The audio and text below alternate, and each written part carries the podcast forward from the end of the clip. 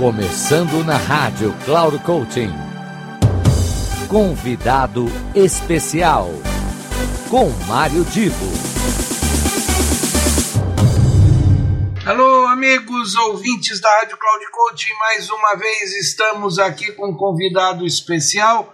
Hoje o Marcelo Fará, um grande amigo meu, uma pessoa de um quilate, um altíssimo valor como pessoa e como empreendedor, como profissional, enfim, que tem trabalhado bastante dentro do ambiente da inovação. A, a inovação, e eu quero aqui já me antecipar um pouquinho do que ele vai falar, não é só de grandes coisas, grandes invenções. Qualquer qualquer coisa que a gente inove no sentido de transformar, fazer melhor, aumentar a produtividade, é como um tijolinho que a gente está colocando numa construção. Mas só que o Marcelo, muito melhor do que eu, vai poder abordar esse tema, a inovação, dentro desse momento em que ele aqui estará conosco, e eu volto no final para o encerramento do que eu sei que será uma belíssima apresentação do querido Marcelo Fará. Olá, Mário Divo. Estejam bem-vindos todos que estão nos ouvindo.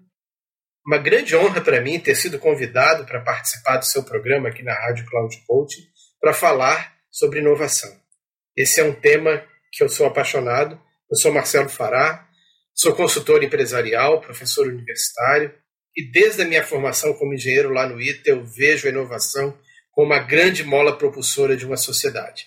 Sabe, Mário, muitas vezes pensamos que a inovação é algo recente, somente ligada com as tecnologias avançadas, mas a inovação está presente desde os tempos da caverna. Cada descoberta feita pela humanidade, o fogo, a agricultura, e que a gente conseguiu transformar em algo útil, é uma inovação. Isso é importante. Inovação é uma coisa que tem utilidade. Por volta de 1910, o austríaco Schumpeter, em suas obras, ele defendeu que a inovação é o motor que impulsiona a economia e que sem ela nós estaríamos parados no tempo e pouco, e pouco valor seria gerado.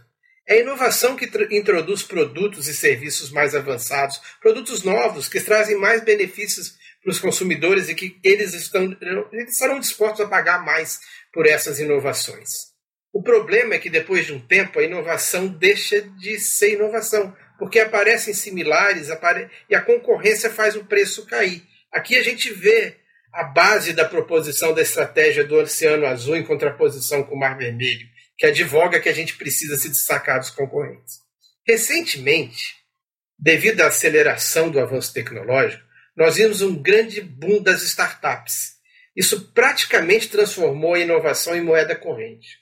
Por quê? Pequenas empresas estão mudando modelos de negócio, estão crescendo rapidamente, estão derrubando gigantes estabelecidos, são avaliadas em cifras gigantescas, algumas passando de um bilhão de dólares, os famosos unicórnios. Em resumo, essa frenética evolução suportada pela tecnologia digital força que todos os negócios passem por uma transformação e que não será a última. E por que dessa transformação? Para a gente se aproximar dessa vanguarda e manter a atenção dos clientes. Portanto, nós não temos saída a não ser inovar. Mário, mais uma vez, muito obrigado pela oportunidade de participar do seu programa na Rádio Cloud Coaching. Quero me despedir com um convite para os nossos ouvintes. Quem desejar fazer uma avaliação do seu processo de inovação, do processo de inovação do seu negócio, me chame no WhatsApp, que é 12 99605 1999. 12 99605 1999. Até logo, um grande abraço a todos. E então, meus queridos amigos, ouvindo o Marcelo, fica a pergunta: será que cada um de vocês está fazendo tudo da mesma maneira todos os dias? Será que não existe alguma forma, algum aplicativo, alguma tecnologia, algum caminho, algum procedimento, algum processo que você possa inovar, transformar o jeito de, de, de as coisas acontecerem ao seu redor? e com isso ganhar de alguma maneira em produtividade, em benefício, sejam eles quais forem? Será? Você já parou para pensar nisso? Então, fica aqui o desafio, fica também o agradecimento pela presença aqui na Rádio Cloud Coaching, esperando vocês todos na próxima semana. Até lá. Final do programa Convidado Especial.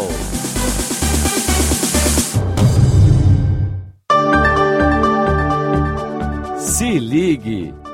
Semanalmente você ouve o programa Convidado Especial, sempre na segunda-feira às 15 horas, com reprise na terça às 5 e meia da tarde e na sexta-feira às 10 horas da manhã.